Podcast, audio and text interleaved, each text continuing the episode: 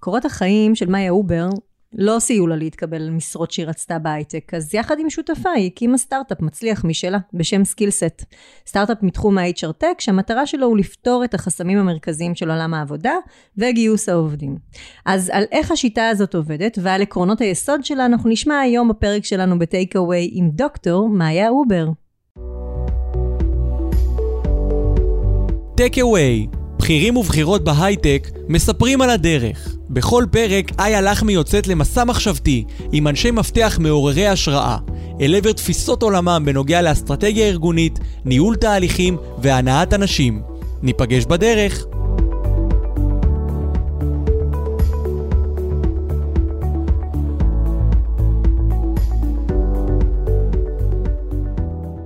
מאיה, איזה כיף שהגעת לפה ככה בצהרי היום, בחום הבהביל אה, של אה, גוש דן.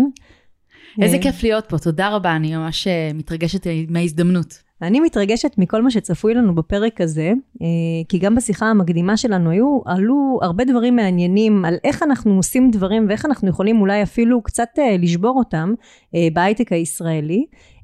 ואני רוצה רגע לפני שאנחנו צוללות לשם, לשאול אותך קצת על הדרך המקצועית שלך, ו... מה, מה קרה לך שהחלטת להיות מבין 15% מהנשים היזמיות ולהקים סטארט-אפ משלך בשם סקילסט? אה, זו שאלה מצוינת. אה, אני, אני מרפאה בעיסוק. אה, וזה מצחיק להגיד את זה. לכל אלה שחולמים להגיע להייטק, אפשר להגיע להייטק מכל תחום, עובדה, גם מריפוי בעיסוק. חד משמעית. אה, אני מרפאה בעיסוק, אני, יש לי דוקטורט בריפוי בעיסוק ובהתפתחות קריירה, ושנים עבדתי כמטפלת. אמנם מאז ומעולם עבדתי בתחום, בעולם העבודה. שילבתי אנשים בעולם העבודה, בין אם מחסמי קריירה שונים, בין אם אה, אה, ממש אוכלוסיות מודרות שלא מוצאות עצמם בשוק העבודה, עד אה, אנשים שמסיבות שלהם אה, לא נשתלבו בשוק העבודה. באמת עבדתי שנים רק בזה. אבל אני חושבת ש... אם אני עשיתי 15 שנה הייתי בפרקטיקה, ניהלתי חברות שנתנו, אה, אני ומי שהשותפה שלי גם היום אה, בסטארט-אפ מור, ניהלנו כמה חברות בארץ שהתעסקו בפתרונות תעסוקה אה, למדינה, נתנו ייעוץ למדינה בהרבה מאוד תחומים, ולצבא, באמת עבדנו עם האוכלוסיות הכי מורכבות בארץ בהקשר הזה.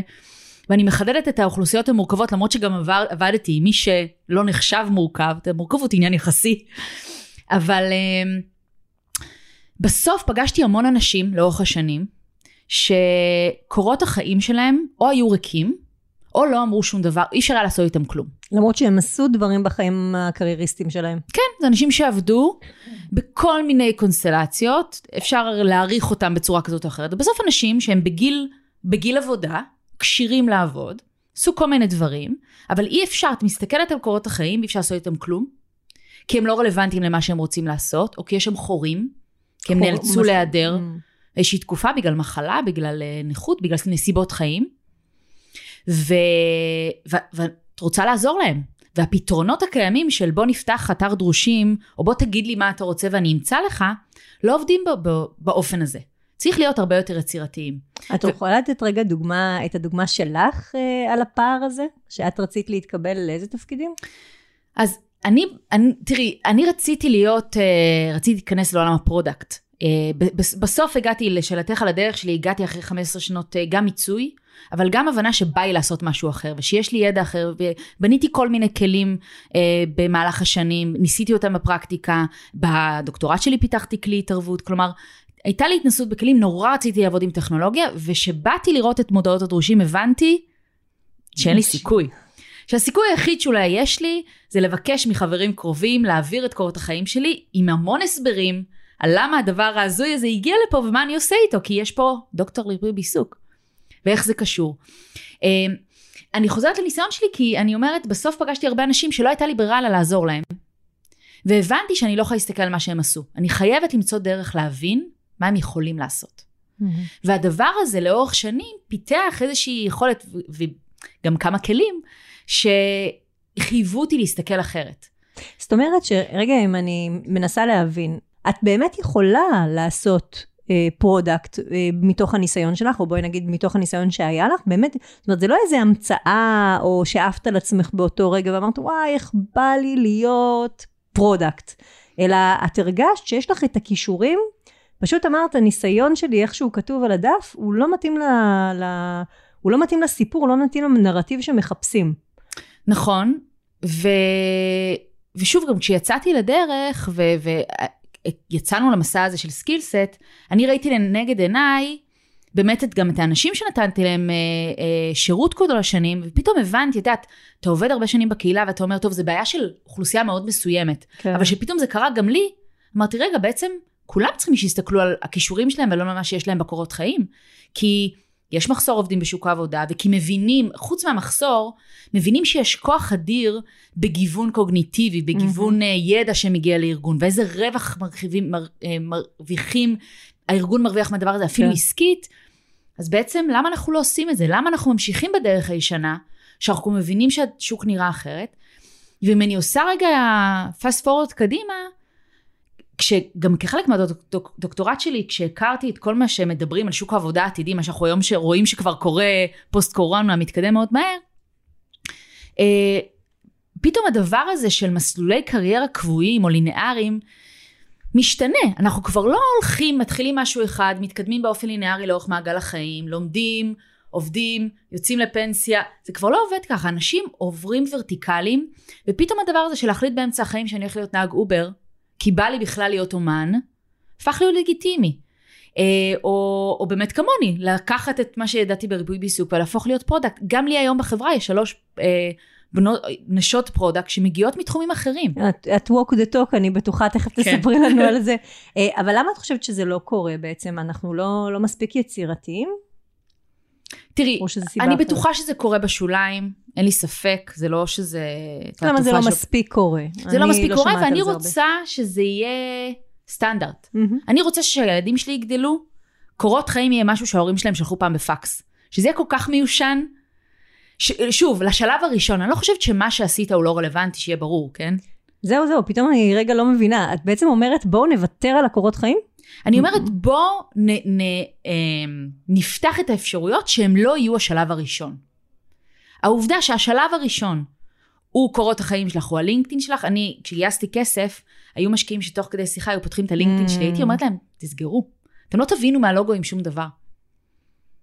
זה בסדר, אני גם מתגאה במה שעשיתי. אבל תנו לי רגע לשים קודם כל את הכישורים שלי בפרונט, ואז תתלהבו מזה שגם יש לי דוקטורט. אבל תנו לי קודם לשים את הכישורים. הרי יש אנשים עם דוקטורט שהכישורים שלהם לא מתאימים לתפקיד מסוים. זה שיש לי PhD לא אומר באמת כלום עליי. אבל את יודעת, התחום הזה של קורות חיים ולינקדין, הוא הרי בא בשביל לעזור לנו למפות אה, אה, הסחות דעת והרבה מאוד... אה, אה, הרבה מאוד מועמדים, יש משרות שאת פותחת אותם ומגישים לך אה, באמת אה, מאות קורות חיים, שרובם על הנייר הם לא רלוונטיים. ופה אני מסייגת ואומרת שבגלל זה הרבה מאוד פעמים מאוד קל לנו לגייס מהמלצות אישיות, כי אז אנחנו רואים את הסיפור הרבה יותר. אבל זה איזשהו, זה איזשהו כלי עבודה שעוזר לנו להיות יעילים יותר. לא יודעת אם אפקטיביים יותר, תכף את תגידי לנו, אבל יעילים יותר. וכשהדבר הזה, את אומרת, בואו לא ניתן את זה בשלב הראשון. מה כן אנחנו, מה את מציעה? מה אנחנו כן עושים בשלב הראשון? אז זה האתגר הטכנולוגי שאנחנו לקחנו על עצמנו, ובעצם אמרתי, כמו שאת אומרת, אם אני רוצה לדעת אם בן אדם יכול לעשות את העבודה, איך אני אדע? בעצם הדרך היחידה שהיא לדעת היא לתת לו לעשות את העבודה, נכון? אז מה שיצרנו היא פלטפורמה שמבחנים אה, אה, סימולטוריים חכמים, שמדמים את המשימות המרכזיות בעבודה. זה לא שאלונים, זה לא סיטואציות שבהן אני שואלת את דעתך, כי זה כבר לא בודק יכולות, אלא לפעמים שיפוט, או חוויה סובייקטיבית עצמית, כי אני יכולה להגיד לך שאני נורא יצירתית, אבל למה? באיפה, באיזה תחום, באיזה mm-hmm. אופן? באיזה סביבה? באיזה סביבה, בדיוק. ואז מה שעושים היום בהייטק, כן? אה, עושים מבחנים היום. אנחנו לא המצאנו את העובדה של המבחנים. אבל עושים את המבחנים אחרי המיפוי. בדיוק. זה כמו שהרבה פעמים באוניברסיטה מנבאים הצלחה אחרי שבן אדם יתקבל. זאת אומרת, עושים אה, בקרב הסטודנטים שהתקבלו, כמה הצליחו. אבל מה עם אלה שלא התקבלו? בדיוק. אז הטכנולוגיה שלנו מאפשרת לשים את המבחן בשלב הראשון, עוד לפני שהמועמד מגיש מועמדות לתפקיד. כלומר, אנחנו בעצם אה, פלטפורמת גיוס ואיתור מועמדים, mm-hmm. שמושכת אליה מועמדים, מכל מיני ערוצים, אפשר לדבר על זה אחר כך אם תרצי. אנחנו עושים להם את הוולידציה המקצועית דרך המבחנים הסימולטוריים שלנו. יש לזה יתרון, כי המועמד לא בלחץ שיש בסוף איזה מעסיק שמחכה לתשובות שלו ויש לו זמן מסוים, אלא הוא נבחן מול עצמו. אנחנו מנתחים את הביצועים שלו אונליין, ומעסיקים מקבלים ריפורטים. כמו לקבל קורות חיים, אבל ריפורט ביצועים, שמדבר על איך המועמד עשה את התפקיד, איך הוא, איך היה, אה, איך הוא האוריינטציה השירותית שלו, mm-hmm. איך, אה, האם הוא דיבר מספיק ברור, מה רמת האנגלית שלו. אה, אם אנחנו מדברים על, על, על מכירות, אז מה היכולת שלו בכלל לעשות קווליפיקציה ללידים, להעריך למי לפנות ומי לא, איך לעשות שיחת מכירה, איך לעבוד לפי פרוטוקול, וכן הלאה וכן הלאה. ואנחנו מביאים לחברות את המידע באופן עיוור, כלומר הם מקבלים ראשי תיבות, פירוט ביצועים. Mm-hmm. אנחנו אומרים, אהבת איך שהמועמד הזה ביצע את התפקיד? תזמן אותו לרעיון.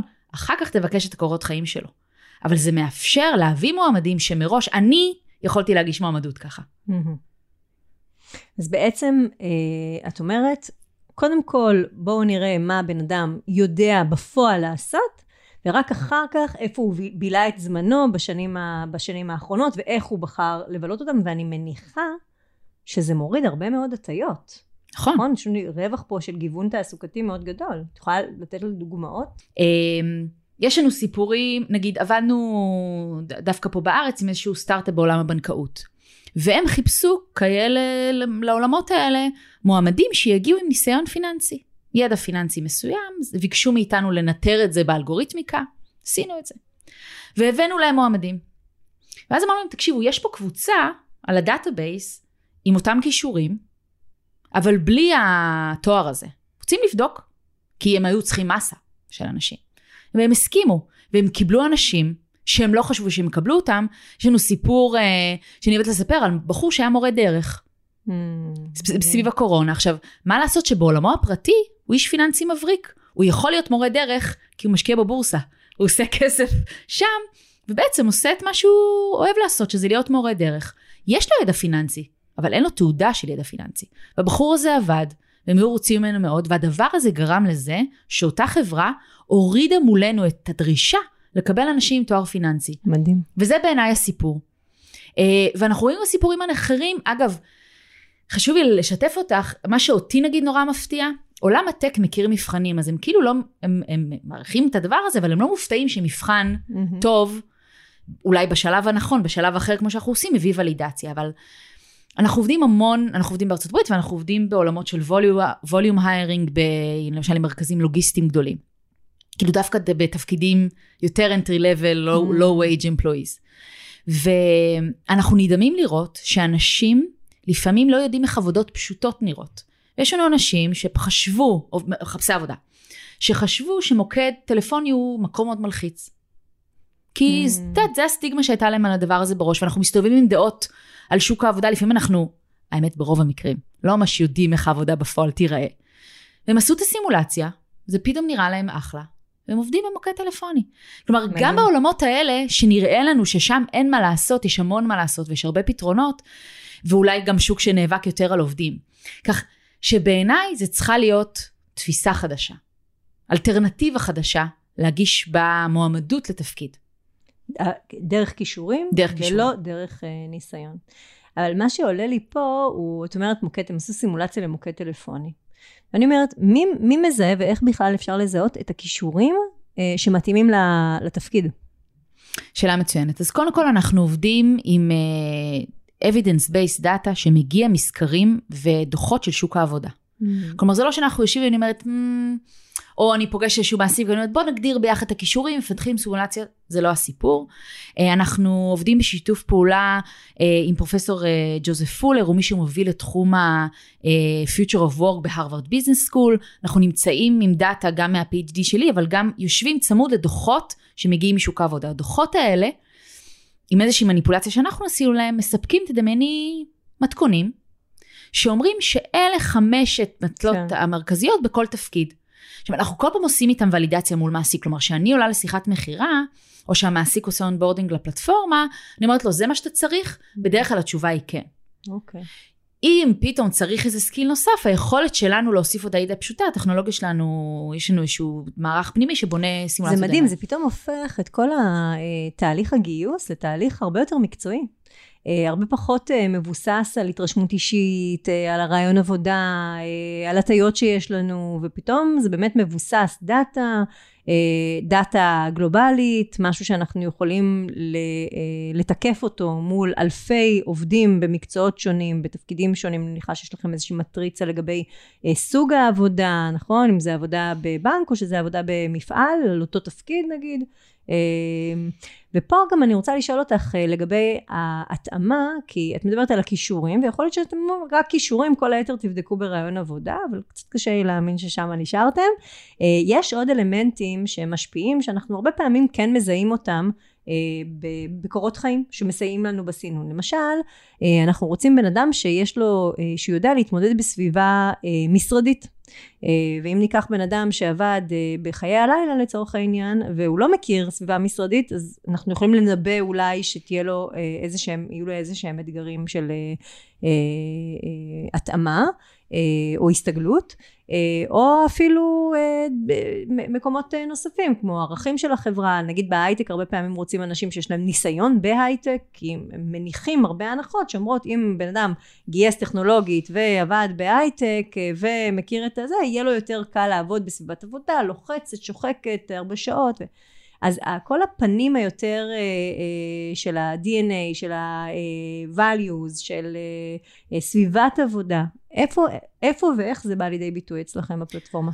אז אנחנו בודקים חלק מהדברים. אני תכף אגיד לך מה, אבל יש לזה גם אג'נדה. האג'נדה אומרת, קודם כל, ברור שהמציאות בשוק העבודה היא מורכבת, יש כל כך הרבה פרמטרים שבודקים בתהליך גיוס, אנחנו לא נוכל לפתור את הכל. ואני חושבת שבשביל זה יש מגייסים, הם מגייסים, זה התפקיד שלהם, הם יושבים בתוך החברה, זה המומחיות שלהם להבין בדיוק מי הבן אדם שיושב מולם, האם הוא מתאים לאותו ארגון, ואגב, גם לאותו מנהל. אמ, אנחנו כן בודקים, הסימולציות שלנו בודקות את המטלות בקונטקסט שלהם, כלומר, בסימולציה של ה-customer care או customer success, יש רע של מוקד טלפוני ועובדים בתוך CRM, שהוא בעצם CRM חדש, כלומר אנחנו בודקים את היכולת של בן אדם ללמוד מערכת חדשה, כי זה מערכת סקילסט במרכאות, אמ, ואנחנו, אם, אם בסביבת העבודה יש הפרעות, יהיו הפרעות, ואם בסביבת העבודה יש פידבק, הוא יקבל פידבק אינסופי, ואם הוא צריך, אה, ואם יש לחץ, כי יש שעון שרץ, אז גם יש שעון שרץ. הדברים האלה אנחנו מדמים כמה שאפשר. נשמע מהמם. תודה. אה, אני באמת חושבת שזה מהמם, אבל זה, זה, לא, זה לא חוכמה. אה, אז אנחנו מדמים כמה שאפשר את הקונטקסט. שוב, אה, ברור שמדובר במחשב, במבחן ב desktop, חלקו ב mobile. אה, אני אגיד לך מה אני לא יכולה לבדוק. בסביבה נגיד חרושתית, לא יכולה לבדוק את היכולת... חרושתית? כן, נגיד במפעל. Mm-hmm. מלקטים למחסן. Mm-hmm. אני לא יכולה לבדוק את היכולת בן אדם לשאת משקל, אבל גם קורות החיים לא. Mm-hmm. אני יכולה לשאול אותו. אני שואלת, אנחנו תמיד שואלים מישהו כמה שאלות קריטיות כאלה בסוף, שהן ממש, את יודעת, אה, הכרחיות לתפקיד. האם אתה יכול להרים 50 קילו? כי אם לא, זה בעיה. Mm-hmm. ואז לא, אל תגיע לרעיון. אמ, אז יכולות פיזיות אני לא יכולה להעריך, ושוב, גם קורות חיים לא, ואני גם לא בודקת, אנחנו כן בודקים מרכיבים של התנהגות, אבל בצורה מאוד זהירה, כי זה התנהגות במבחן. ובן אדם יושב מול מחשב ועושה מבחן, וזה לא אותו דבר כמו ראיון, וזה לא אותו דבר כמו עבודה. ויש לזה את הקונטקסט שלו, ואני גם לא יכולה לצפות ממנו להיות באנרגיה גבוהה מדי או נמוכה מדי, כי זה מבחן. בסוף זה סימולציה מבחנית. אנחנו כן בודקים תגובות קיצוניות, מבעי פנים מאוד קיצוניים של הטאט של סטרס. Mm. hmm אם מישהו בין, בתוך המבחנים, יש אנשים שמאוד מקללים. אז כאילו, את יודעת, אז את זה... ואם זה לא מתאים לחברה, אז אה, פחות. אז זה בעיה, כל מיני, יש לנו אה, מין צחוק כזה אל מול ה-R&D, שהוא, הם אומרים לנו, תשמעי, אנחנו מקללים תוך כתיבת קטיעת הקוד לפעמים, זה חלק מהמקצוע. אבל זה באמת דברים שהם ממש אבנורמל, שם אנחנו מתעדים אותם. בכל מה שקשור לאישיות, לערכים. בדברים האלה אנחנו לא נוגעים, mm-hmm. אנחנו משאירים את זה למגייסת. אני חושבת שזה התפקיד שלה, זה החלק המהנה בתפקיד של מגייסת והחכם. אה, לקחת את הדאטה שלנו, לקחת את הניסיון של בן אדם, לשבת מולו ולשקף עליו. אבל אני רוצה מצ... לראות מצב שבו מגייסת, מתבססת, איזה מדהים זה יהיה, שהיא תגיד, רגע, לא עשית שום דבר בתחום הזה, אבל תראה את הכישורים שלך. איך? מאיפה יש לך את זה? הוא יגיד לך, אה, כי בכלל בבית אני... כן. מפתח אפליקציות מגיל שבע, ולא יודעת, כן? כן, עשיתי או... איזה אה, התנדבות אה, במשך כמה שנים, אני מתנדב בזה, יש לי... אנחנו עושים הרבה דברים שהם מעבר ל, לעולם הקריירה שלנו. נכון. אמ, את אומרת שהכלי הזה הוא בעצם אה, בא להרחיב את מנעד קורות החיים שאנחנו יכולים לקבל. ואני רוצה לתאר לך מצב שאת בטח מכירה אותו, שהיום בהייטק הישראלי, בעיקר בעולם הטכנולוגיה, הפיתוח, יש מחסור מאוד מאוד גדול בכוח אדם, וכל מי שיש לו, כמעט כל מי שיש לו דופק ויודע לבטא מילות קוד, אז הוא, הוא, הוא יתקבל לתפקיד, כי יש באמת מחסור מאוד מאוד גדול. אה, אז אולי דווקא בתחומים האלה, אולי אין צורך במערכת שלכם, כי למעשה הסינון הוא כל כך קטן, ש... שאין צורך. תראי, את צודקת, בתעשיות אה, שונות משתמשות באופן שונה בפתרון שלנו. יש תעשיות שיותר עסוקות באיכות המועמדים שלהם. אוקיי? זה מה שיותר מעסיק אותם, ואז הם כן רוצים שאנחנו נביא להם מועמדים טובים, ומה שמעניין אותם זה הצד של הטובים, לא הצד של המועמדים בהכרח, אלא mm. לדעת שהמועמדים שמגיעים מסקילסט, יש להם איזשהו תו קוד של איכות. ויש חברות שאומרים, אנחנו צריכים עוד אנשים. האופן שבו אנחנו מביאים מועמדים, שהוא בעצם מאפשר להם, שהשלב הראשון הוא סביב כישורים, אולי תכף אני ארחיב את זה קצת יותר על איך אנחנו מביאים מועמדים, מאפשר לנו להגיע לפול מועמדים שלא מגיעים אליו בדרך כלל. הוא גם איכותי בסוף, אבל הוא גם מביא אנשים שהרבה פעמים בכלל לא באזור הזה. ושם אני חושבת שזה באמת מרחיב את המאגר, זאת אומרת, המחסור הוא לא אה, גזירת גורל. אנחנו יודעים מהצד השני, את יודעת, מצד אחד יש מחסור נורא גדול, מצד שני יש לנו אבטלה מאוד גדולה של ג'וניורים, שלא מביאים את אותו, את אותו ניסיון, ואולי דווקא מערכת פלטפורמה כזאת יכולה לעזור להרחיב אה, את אה, מנעד קורות החיים, המועמדים, האנשים, אה, אה, גם לאזורים של ג'וניורים ואנשים שלא מגיעים אה, מהתעשייה, אין להם את הניסיון הדרוש ויש להם את הכישורים הדרושים. לא רק זה, תחשבי שזה גם בסיס, היום הרי הרבה חברות משקיעות בהכשרה של החבר'ה האלה, מביאה אותם ג'וניורים. ועושה קורסים פנימיים כדי לקדם אותם בתוך חברה, עושים את זה במכירות, עושים את זה בכתיבת קוד, ב product עושים את זה לפעמים. אנחנו יכולים להגיד במי שווה להשקיע, כדי שבסוף לעשות איזשהו מבחן בסיסי, כדי שבסוף הוא יהיה, נדע אם הוא יכול באמת אה, להתאים לתפקיד. את, השבוע קראתי, אני חושבת שזה כל כך חוצה תעשיות, קראתי כתבה שפרסמו על אמזון. אמזון מדברת על זה שבשנת 2023, שזה בערך מחר, היא תסיים למיין את כל מי שרוצה לעבוד ב warehouse בעולם. מה זאת אומרת? היא, היא, ה pool שלה ייגמר. היא תראה, כל מי שאי פעם רצה לעבוד ב warehouse, גויס. או גויס או רואיין על ידה. כשאני התחלתי לקרוא את הכבוד, אמרתי, טוב, הם בטח מתכוונים לפריפריות, את יודעת, אזורים... לא. יש אזורים שהם כבר אומרים שהשנה הם מסיימים. וואו. עכשיו, תחשבו על הדבר הזה, זה מטורף. בעולם שבו יש כל כך הרבה אנשים שמחפשים עבודה, אחוזי אבטלה משמעותיים, למה אנחנו לא עושים את המאץ' הנכון? Mm-hmm. עכשיו, חלקו, לא כולם רוצים לעבוד בווירהאוס, וזה בסדר. אבל יש קבוצה מאוד גדולה של אנשים שעובדים בתפקידים דומים מבחינת אה, או כישורים, או מבחינת אה, אפילו דרג, את יודעת, mm-hmm. שעובדים בעבודות מזדמנות, עובדים בעבודות פשוטות, עובדים, עובדים uh, כג'וניורים בטק, לא משנה, אבל, ויכולים לעבור לרוחב mm-hmm. שאותם אנחנו צריכים לזהות. ואני חושבת שמה שאותי מדהים בסיפור הזה, שזה אנשים שהסיכוי שלהם גם להישאר בחברה או אחר. כי הם באים, את יודעת, זה עובד... שנתנו להם הזדמנות. כן, נתנו להם הזדמנות, הם באים ללמוד. כל החושים שלהם מתעוררים. אז מאיה, נתת כדוגמה את אמזון, ואנחנו לא נדבר על אמזון עצמה, אבל כן מעניין אותי לדעת אם את מכירה ארגונים, או מכירה איזה שהן פרקטיקות ארגוניות שמייצרות חסמים מראש לגיוס של כוח אדם אה, אה, משתנה מגוון, חד משמעית. אה, גדול יותר ממה שהם היו יכולים. את יכולה לתת לנו כמה דוגמאות? אני לא רוצה לנקוב בשמות של חברות, אבל היו לי פגישות עם מנהלי גיוס שאמרו לי, אנחנו לא מגייסים ג'וניורים. יש לי הוראה לא לגייס ג'וניורים. אז זה פרקטיקה אחת, שאת אומרת... מאוד בעייתית. זאת אומרת, כבר הם אומרים, מי לא, אנחנו לא מגייסים דתיים, אנחנו לא מגייסים ג'וניורית, אנחנו לא מגייסים כן. אנשים מהפריפריה, נכון, אנחנו לא מגייסים... או לחילופין, שזה אותי מרגיז לא פחות, שמדברים על תעסוקה מגוונת, עושים איזה וי באתר על זה שהם מוכנים לקלוט אנשים עם מוגבלות, או שהם בעד תעסוקה מגוונת, אבל מתעלמים מהעובדה שאנשים באוכלוסייה מגוונת, אין להם קורות חיים מתאימים לתפקיד. אז זאת אומרת, קורות חיים זה גם פרקטיקה ארגונית אה, חוסמת. In a way, אה, כן, אם אין דרך אחרת, אני, אני חושבת שהתנועה החדשה עכשיו של לראות אנשים עובדים עם כל מיני גופים ושיתופי פעולה בקהילה, עושים הכשרות פנים ארגוניות, זה מדהים בעיניי, Mhm. כן? יש המון שיח בתחום ה-HR Tech על קידום אנשים בתוך ארגון, מדהים. אבל אם מראש אני לא שיניתי, את, הד- לא החלפתי את הדלת, את יודעת, מדברים הרבה בנגישות על, על, אה, על הדלתות. אם לא החלפתי את הדלת, הדלת שהיא באמת פתוחה לכולם. אז רק להגיד שאני, שיש דלת, לא עוזר. צריך לשנות את הפרקטיקה. ואני חושבת שזה חוצה תעשיות, וש, ומה שאותי מרגש במה שקורה עכשיו במציאות התעסוקתית פוסט קורונה, שזה מחייב את כולנו, כאילו מכל כיוון אומרים לנו להשתנות. לעשות שינוי, ואנחנו אומרים לא, לא, לא, פשוט נעשה אותו דבר, נדבר על זה אולי, ואת יודעת, אבל צריך לעשות שינוי מהותי. אז, אז שאלה לקראת סיום.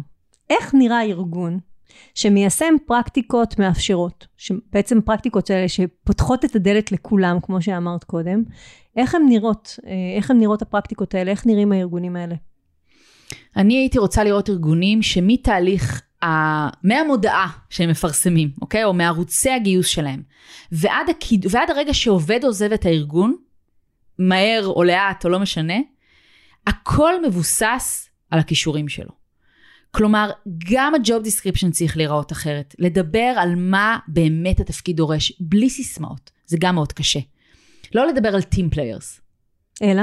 כי team player זה נורא תלוי באיזה team אני צריכה להיות, כאילו team player הוא ספציפי ל team. יש teams שעובדים בשיתוף פעולה עם אנרגיות מאוד גבוהות, ויש teams שעובדים בשיתופי פעולה עם אנרגיות מאוד נמוכות, ויש teams שאני רק צריכה לשלוח מיילים וזה נחשב עבודה צוותית, ויש teams שאם אני לא אתן גם uh, acknowledgement כל היום, אז זה לא ייחשב אז צוות. במקום להגיד team player, מה אנחנו צריכים להגיד? העבודה דורשת X, עבודה עם X אנשים, באינטראקציות כאלה וכאלה. מהמם. אה, עובדים מהבית, עובדים מהמשרד. הדרישה להיות מעורבים בכאלה וכאלה אירועים חברתיים. זה סתם, אני לוקחת את זה מהצד הזה גם. אבל יום אופייני נראה כך. זה המשימות שצריך לעשות, ברמה הזאת. להיות קצת יותר קונקרטיים. קונקרטיים זה מעניין. כן, ואובייקטיביים. מה, מה צריך לעשות? איך זה נראה? אני באה מחר בבוקר ומה אני עושה? זה כמו שהרבה פעמים אומרים, למה את לא ראש גדול? נכון. אומרת, אבל מה זה אומר? מה אני צריכה לעשות כדי להיות ראש גדול? זאת השאלה בעצם. וכמה פעמים ראית ראש גדול במודעות דרושים? המון. או המון. מוטיבציה.